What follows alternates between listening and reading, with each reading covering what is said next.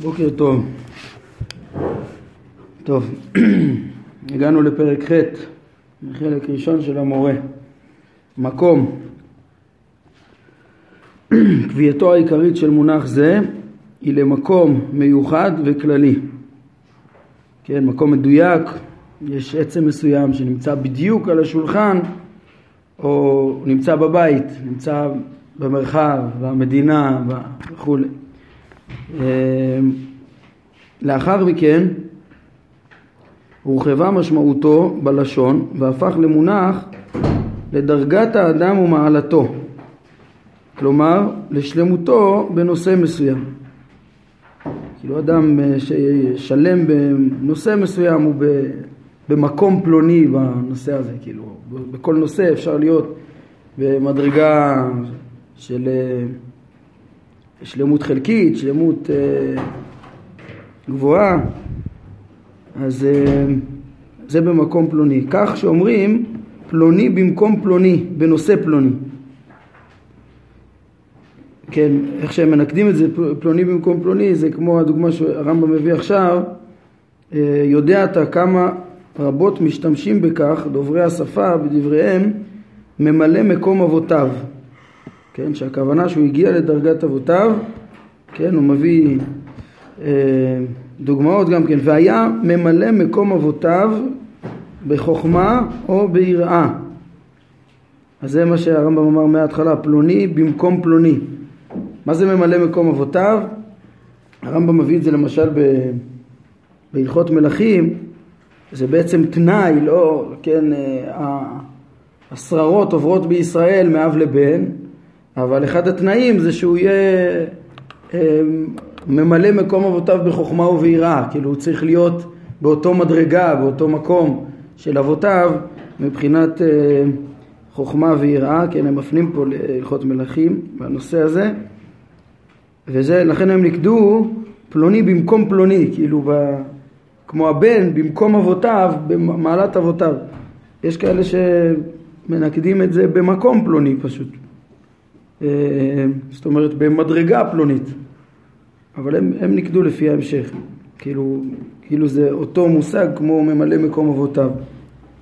כן, על כל פנים אנחנו פוגשים פה את המשמעות של מקום, לא רק המשמעות הפיזית של המקום המיוחד והכללי והמרחב הכללי או המקום הספציפי של החפץ, כן, אלא גם במשמעות של אה, דרגה אה, בנושא כלשהו, איזה מדרגת שלמות. אמ, ובדבריהם, כן, אפשר למצוא עוד פעם את המשמעות המופשטת גם בביטוי ועדיין מחלוקת במקומה עומדת, כלומר במעמדה ולא נפתרה, זאת אומרת באותו, לא, לא דעכה המחלוקת, נשארה באותו אה, מדרגה של אה, מחלוקת עם כל עוצמתה אה, וכולי. אז פה זה במקומה, זה באותו מצב לא, לא במיקום הפיזי באותו מדרגה של אה, ויכוח, של אה, התעצמות שיש במחלוקת. על פי אופן ההשאלה הזה נאמר ברוך כבוד השם ממקומו. כלומר, לפי דרגתו וגודל, וגודל חלקו במציאות.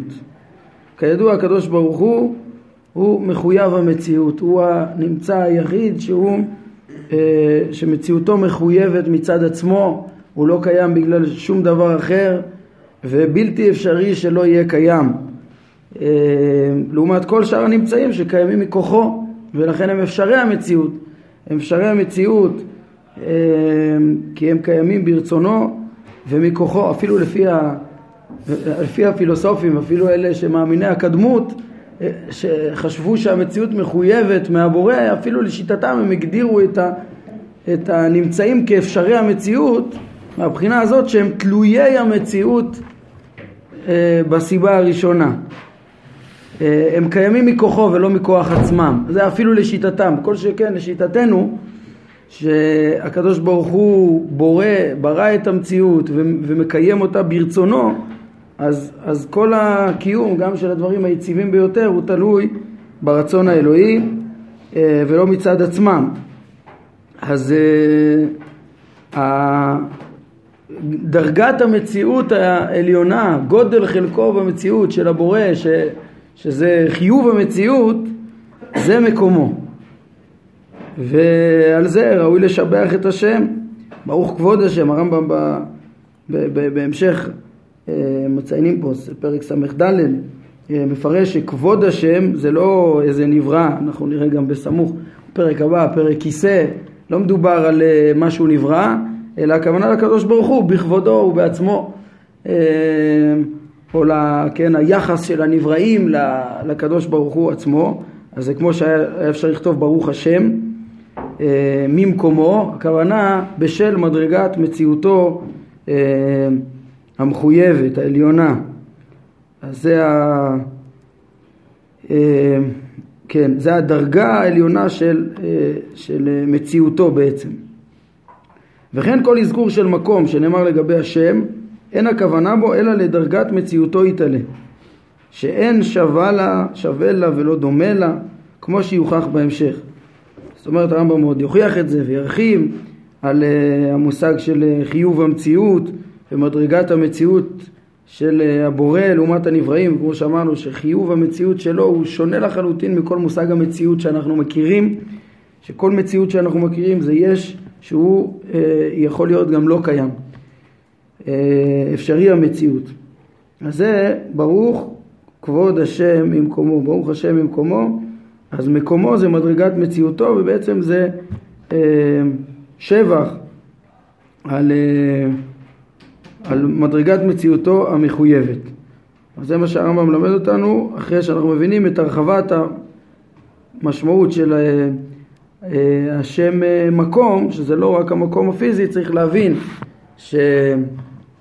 שבמשמעות רחבה יותר, כן, על מעלה, דרגה, צריך להבין את זה ביחס לקדוש ברוך הוא, והוא מייחס את זה למדרגתו העליונה במדרגת מציאותו. מדרגת מציאותו, כן. התרגום. התרגום. אתר בית שכינתה זה... תראה, איקרא דה השם זה כבר לא השם, לפי התרגום. כן, זה כבוד השם. לא, אבל, אבל, אבל כשהוא מפרש איקרא דה השם, אנחנו נראה בפרקים הבאים, הרמב"ם יאמר שהכוונה לאור נברא. זה לא כמו ש, שפרשנו עכשיו, שהרמב"ם אומר שכבוד השם זה השם, הרמב"ם מפרש את הפסוק הזה על מדרגת מציאותו של הקדוש ברוך הוא בעצמו, לא על התגלותו. ברוך יקרא דה השם, האונקלוס מתרגם על כבוד השם במשמעות, יש מקומות שגם הרמב"ם אה, יביא מהאונקלוס או אפילו מודה שאפשר לפרש שמדובר על כבוד נברא, על איזשהו אור נברא.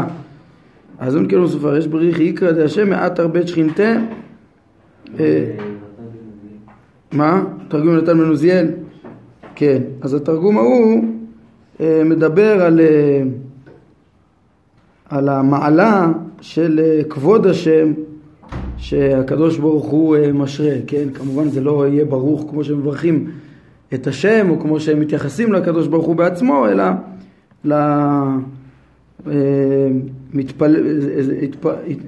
להתפעלות על אה, היופי והמעלה גם של ההופעה של, של, של האור הנברא. זה נראה בכיוון אחר מפה. עכשיו הרמב"ם אומר פה יסוד חשוב שאנחנו כל הזמן שמים לב אליו.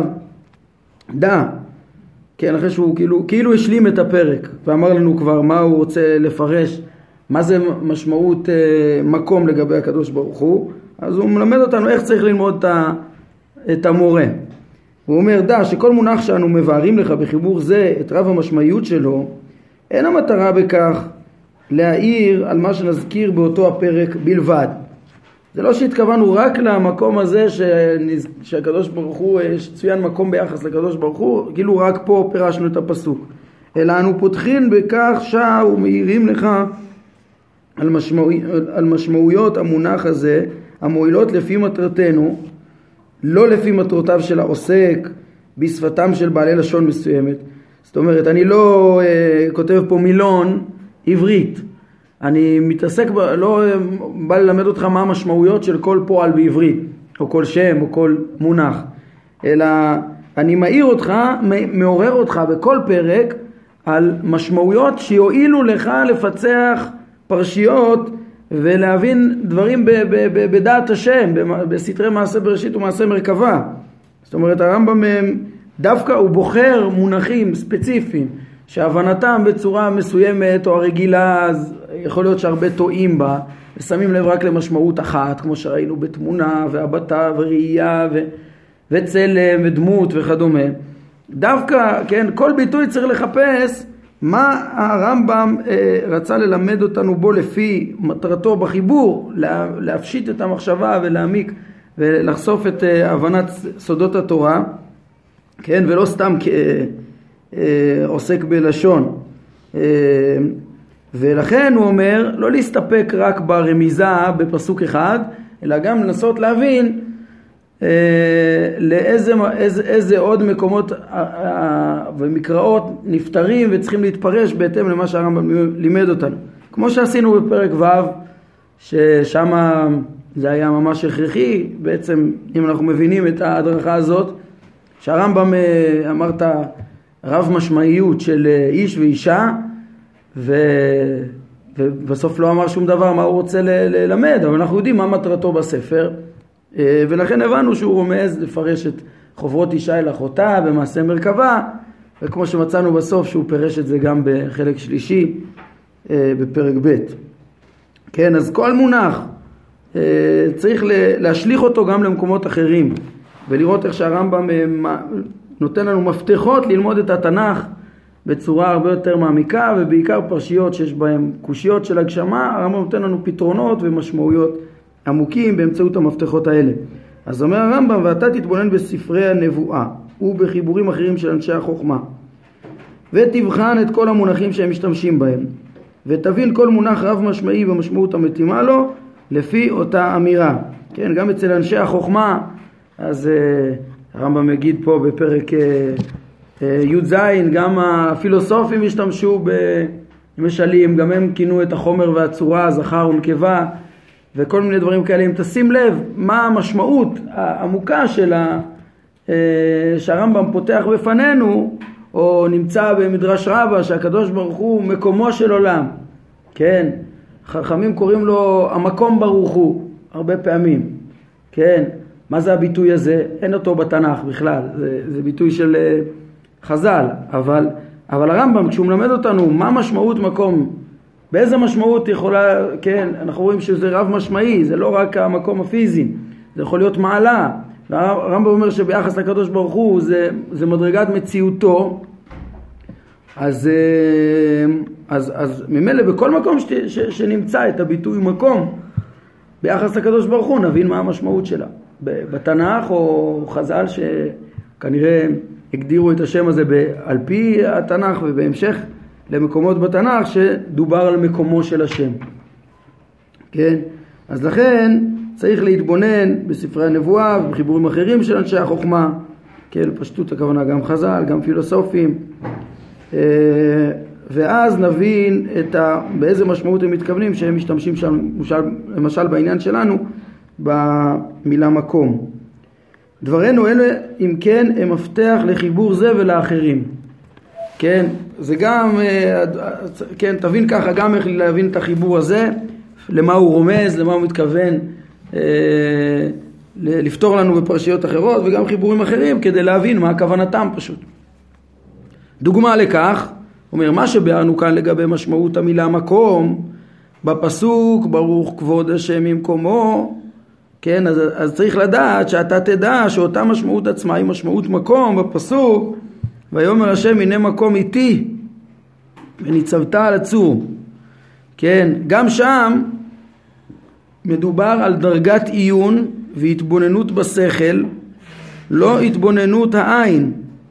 זאת בנוסף למקום בהר שנרמז אליו במילים אלה שבו הייתה ההתבודדות והשגת השלמות כן, מה הרמב"ם מלמד אותנו פה? הוא מתחיל לרמוז על פרשת אה, הנה מקום איתי, פרשת נקרת הצור, הרמב"ם בפרקים הבאים אה, ירמוז לנו שם עוד אה, משמעויות ועומקים של ההשגה שהתורה מלמדת, השגת השם שהתורה מלמדת בפסוקים הקצרים שם, והרמב"ם אומר לנו ש, שיש בעצם רמזים שם למשמעויות עמוקות שהתורה מלמדת, חוץ מעצם התיאור הפשוט שהוא קיים, כן, זה מה שהוא אומר פה בסוף.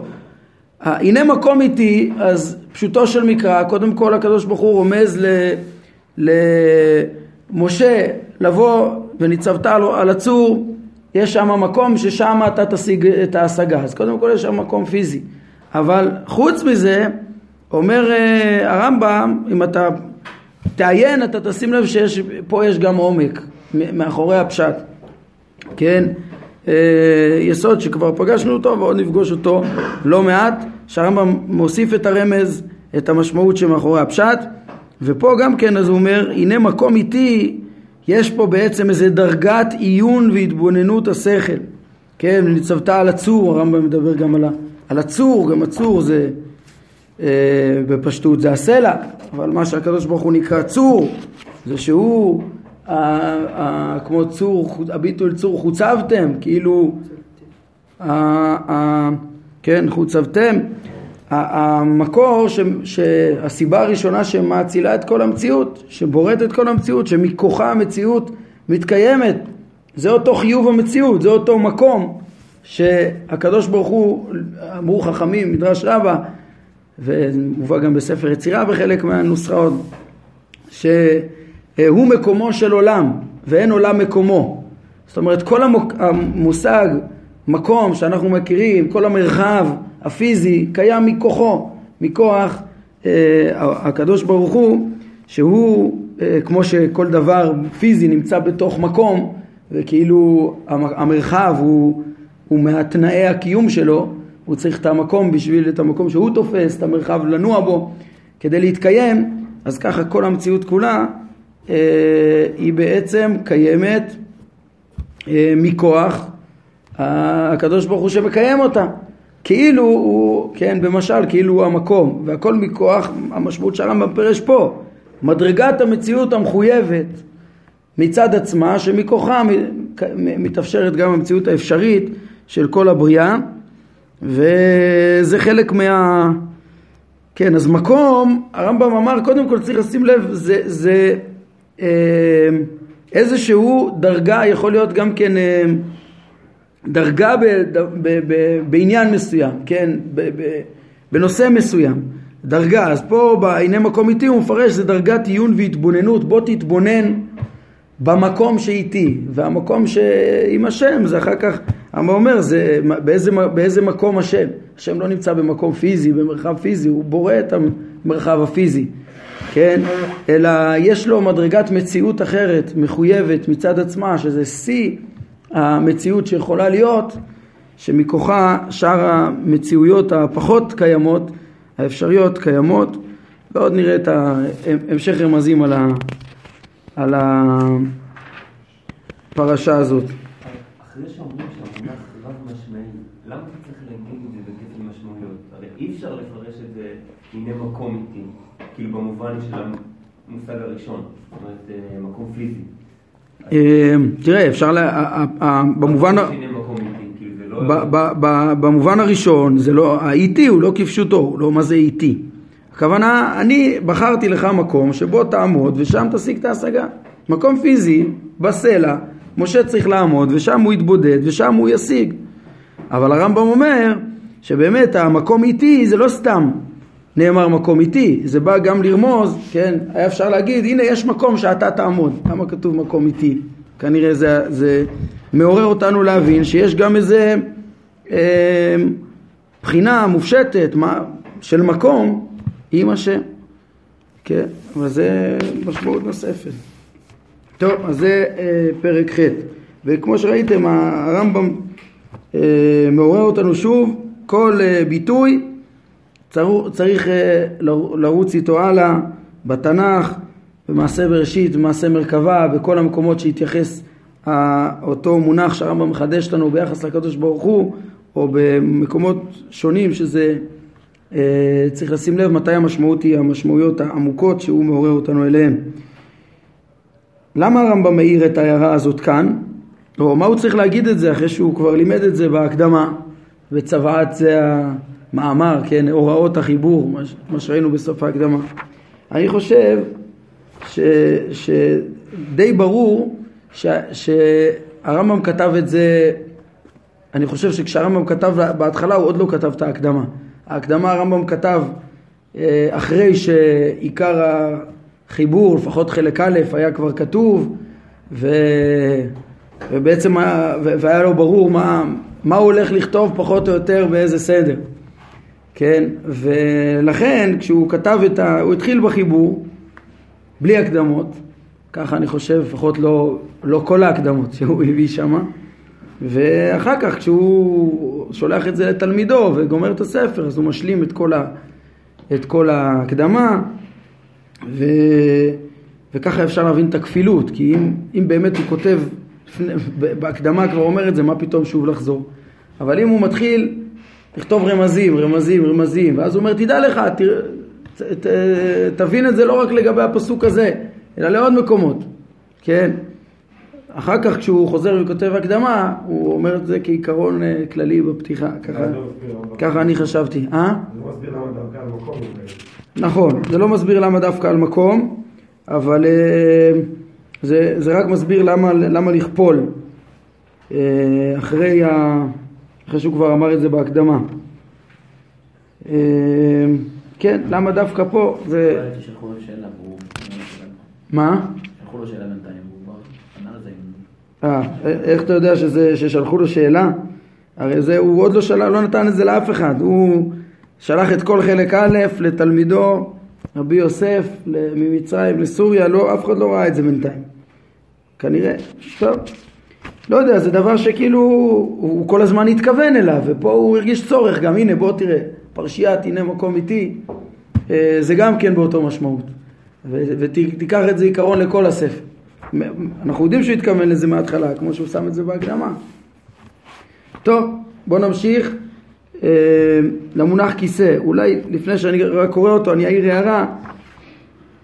פרקים א' עד ז' ראינו בעצם את אה, הרחקת ההגשמה מהקדוש ברוך הוא, שלא, כן, להרחיק את הטעות שהוא בעל אה, תבנית ותמונה גשמית, תמונת איברים כתמונת אדם, וזה, יש שחשבו שזה הצלם, ראינו שבעה פרקים הראשונים, זה להוציא מהטעות הזאת ובמקום זה ללמד את המשמעויות העמוקות והנכונות של המונחים האלה, כן?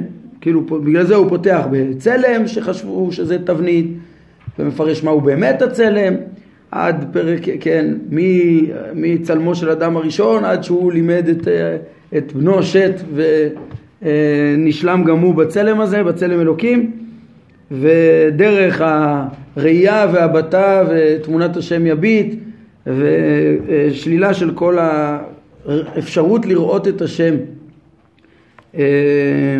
כן, אז, אז, אז הוא, זה היו פרקים א' עד ז', בעצם השלילה של אה, התבנית הגופנית מהשם. עכשיו הוא ממשיך עוד בהפשטה של מושגים אה, נוספים ששייכים לגשמיות בצורה גם קצת יותר אה, מופשטת, כן, אנחנו רואים מקום, מקום זה לא תבנית איברים, אבל זה מושג ששייך רק בגשמיות, מרחב גשמי, כן, אותו דבר הרמב"ם עכשיו ירחיק את המושג כיסא ויפשיט שכיסא השם זה לא כיסא שיושב עליו, יושבת עליו דמות גשמית. ואחר כך ככה תראו ההמשך גם כן, הרמב"ם מדבר, פרק י', י"א, י"ב, י"ג, ירידה, עלייה, כן, תנועות במרחב בעצם, ישיבה, קימה, עמידה,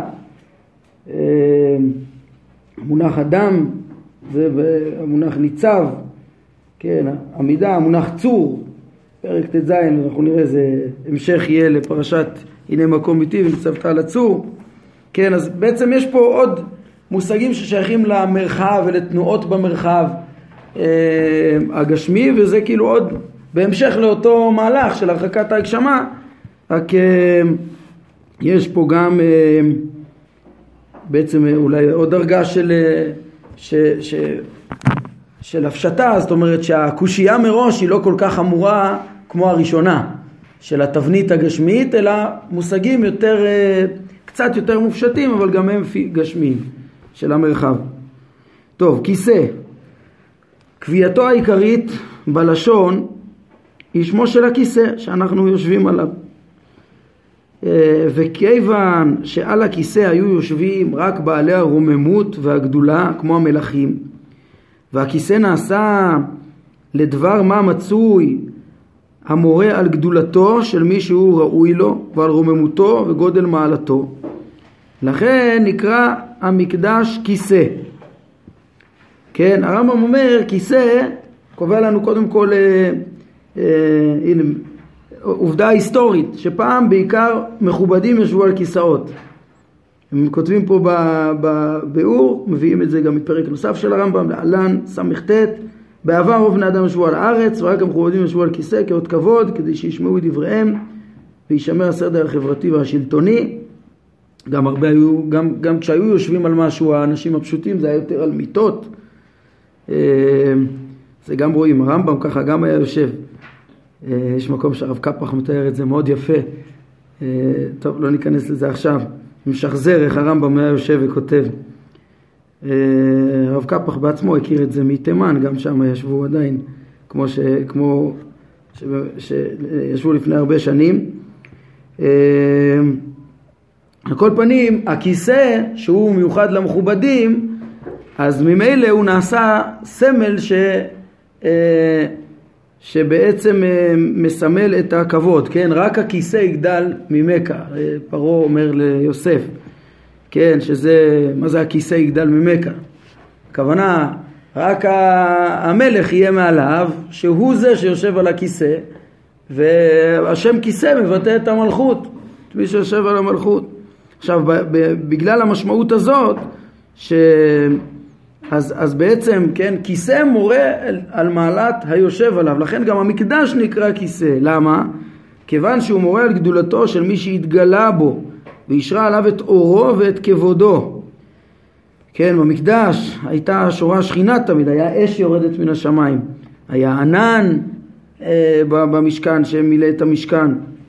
ולפיכך אמר, אז בעצם אה, אותו ענן מופלא, אותה אש שתמיד בוערת, אותם ניסים קבועים שהיו אה, במשכן, אה, התגלות והשראת אור ו- ו- ו- וכבודו של השם, כן, זה מאורות נבראים, זה לא השם בעצמו, אה, כמו שהרמב"ם אומר, אה, ועוד, כן, יסביר גם בפרקים הבאים. אבל סוף סוף אותם דברים מופלאים הם מורים על מעלתו של מי שמאיר את אותו אור, של מי שיוצר את אותו אור. ולכן זה מעיד על גדולתו, ולכן זה נקרא כיסא. זה, המשכן הוא ככיסא, היינו, הוא אה, דבר מופלא שמעיד על אה, גדולת אה, מי שמחולל את האור שבו. ולפיכך אמר, כיסא כבוד מרום מראשון מקום מקדשנו.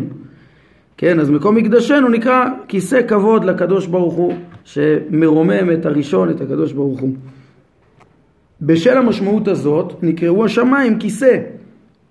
משום שהם מורים למי שמכיר אותם ומתבונן בהם, כן, אה, כל אדם באופן, אה, אה, כן, אינטואיטיבי, כשהוא מתבונן בגדלות השמיים וכן, בגובה שלהם, בכמה הם רחוקים מהאדם, בכמה הם מרחבים עצומים, הוא יכול להתפעל מהם, אבל כל שכן מי שיתבונן בצורה יותר מפורטת, כן, למשל בזמנם, בכל גרמי השמיים, בתנועות הגלגלים וכדומה, ולא פחות מזה מי שהתבונן בהם בזמננו, זה אה, כן, מרחבים אינסופיים שאי אפשר בכלל לתאר את המספרים אה, של המרחבים והמרחקים והגדלים והכוכבים והגלקסיות שיש, אז אה, בעצם יעיד על גדולתו של מי שיצרם ומניעם.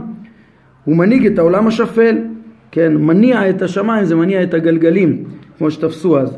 כן, ומנהיג את העולם השפל, את כדור הארץ, כן, בשפע טובם, על ידי תנועת הגלגלים, תנועת, כן, הבינו שזה משפיע המון על האקלים פה ועל כל התרכבות היסודות וכל יצירת כל הנבראים על כדור הארץ. אז הרמב"ם אומר, כן, שימו לב, השמיים הם בעצם פרועים מופלאים שמעידים על גדולת בוראם. ולפיכך אמר כה אמר השם השמיים כסאי, כלומר הם מורים על מציאותי וגדולתי ויכולתי. הם מורים על מציאותי, אנחנו נראה בתחילת חלק ב' שהרמב"ם מלמד אותנו ראיה למציאות השם מתנועת השמיים.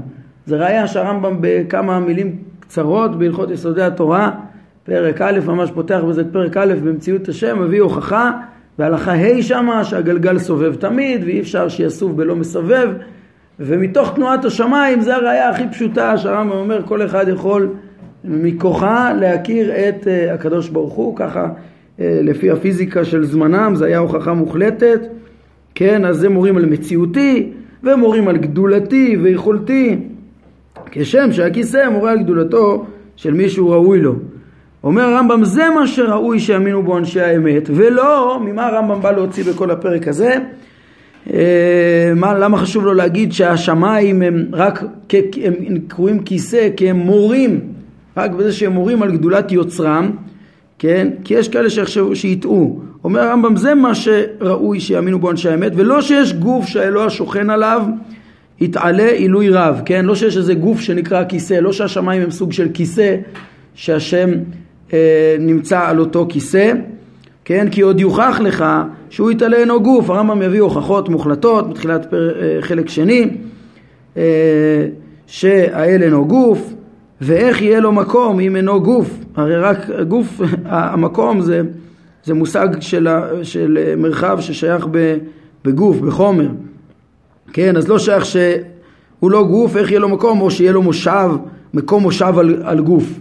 כן, רק דבר גשמי יכול להיות מונח על דבר גשמי, על כיסא גשמי, וזה לא שייך בקדוש ברוך הוא, אז חלילה לפרש שהמקדש או השמיים זה כיסא גשמי של אה, השם שאינו גשמי, כן, אין הדבר כי אם כפי שהערנו לך עליו, שכל מקום שהשם כיבד אותו וייחד אותו באורו ובזוהרו, כן, כמו האור הנברא שהיה במקדש, או הזכות של השמיים והפאר שלהם, היופי שלהם, השלמות שלהם, כן, בכל המקומות האלה כמו השמיים, כמו המקדש או השמיים, הוא נקרא כיסא, שוב, רק כי כיסא אה, מורה על גדולתו של אה, הבורא.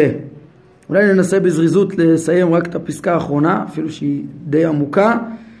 אה, מה, שעל, מה שהלשון הרחיבה בו בדבריו כי יד על כס יה, כן, יש פה מלחמה להשם בעמלק מדור דור. השם נשבע בהרמת ידו על כיסאו, כאילו הוא החזיק בכיסאו ונשבע, כמו שאנחנו להבדיל נשבעים בנקיטת חפץ, כן? אז uh, כאילו שם ידו על כיסאו ו- ונשבע שמלחמה להשם בעמלק מדור דור לנצח, אז uh, זה כמובן הרחבת הלשון. אומר הרמב"ם, מה הכוונה? בהמשך לפרק שלנו, הרי הוא תיאור גדולתו ורוממותו, שאין ראוי לדמיין שהם דבר מחוץ לעצמותו ולא נברא מנבראיו כך שיהיה יתעלה כך שיהיה יתעלה נמצא אה, בלי כיסא ונמצא עם כיסא כן חס ושלום אומר כשכתוב כס השם כס יה זה לא איזה נברא שהשם אה, אה, נשבע בו ושם ידו עליו כן אה, בשבועה ודאי שלא יד וגם לא, לא כיסא זה לא איזה נברא שיכול להיות עם עם כיסא, השם יכול להיות עם כיסא ובלי כיסא. הוא אומר לא, תמיד השם יש לו את גדולתו ורוממותו, הוא תמיד גדול ומרומם. הכיסא זה רק הרמז לזה, לגדולתו, כן? אמרנו שהכיסא רק רומז, הוא נאמר על, על רק הכיסא גדול ממך, על, על מי שרומז למי ש, לגדולתו של מי שיושב עליו, כן? אז זה מה ש... זו, זו כפירה בלי ספק להגיד שהיה עם השם אה, אה, כן, איזה כיסא שנמצא תמיד, כן, זה בעצם אה, ל, ל, ל, בעיה באחדות השם, כאילו יש דבר חוץ ממנו שקיים תמיד. אה, וכבר נאמר במפורש אתה השם לעולם תשב כיסאך לדור ודור מה זה כיסאך לדור ודור? אם הכיסא הוא נצחי אז לא יכול להיות שזה משהו נפרד מעצמותו כן, ולא נברא מנבראיו, אלא, כן, זה מורה, מפה זה, זה, חייב להיות הכוונה, כמו שהרמב"ם פירש, הכיסא זה בעצם מעלתו, ומעלתו זה לא הוא ומעלתו, אלא הוא עצמו, אה, הוא נעלה בתכלית הנעל, המעלה, אין פה, כן, והוא, וזה לא דבר נוסף עליו, ולכן הוא תמיד עם כיסו, הוא תמיד עם מעלתו, לא עם איזה משהו נברח, אה, נוסף עליו, כן, לפיכך הכוונה בכיסא כאן ובכל מקום דומה לו זה תפארתו וגדולתו שאינן דבר מחוץ לעצמתו, לעצמותו כמו שהבהר בכמה מפרקי חיבור זה. זאת אומרת ההבנה הזאת, ההבחנה הזאת של שגדולתו ותפארתו היא לא דבר נוסף על עצמו, זה דבר שיורחב בפרקי התארים, איך ש... אה, כן, איך צריך להבין נכון ולתאר נכון את הקדוש ברוך הוא בצורה שאנחנו לא מחייבים בו שום אה, ריבוי. וככה גם פה, אה, בעצם השלב הראשון זה קודם כל להבין שכיסא זה לא איזה נברא נוסף עליו, זה, אלא זה רק לומר, לדבר על רוממותו וגדולתו. והשלב השני זה יורחב ויוסבר פרקי התארים שגדולתו ודאי זה לא משהו, זה שהוא, שאנחנו אומרים שהוא מרומם מעל כל הנבראים, אנחנו לא באים להרכיב ולחלק בין עצמותו לגדולתו, כאילו זה שני דברים, לא, אלא הוא עצמו לבדו, הוא זה שלעולם ישב, כן, עוד הרמב"ם מסביר לנו מה זה ישיבה, לעולם מתקיים במציאות יציבה, וכיסו לדור ודור אינו דבר נוסף לעצמו, אלא השם במעלתו כך אה, אינו תלוי בזמן, היה קיים תמיד ויהיה קיים אה, לדור ודור. ברוך אדוני לעולם, אמן ואמן.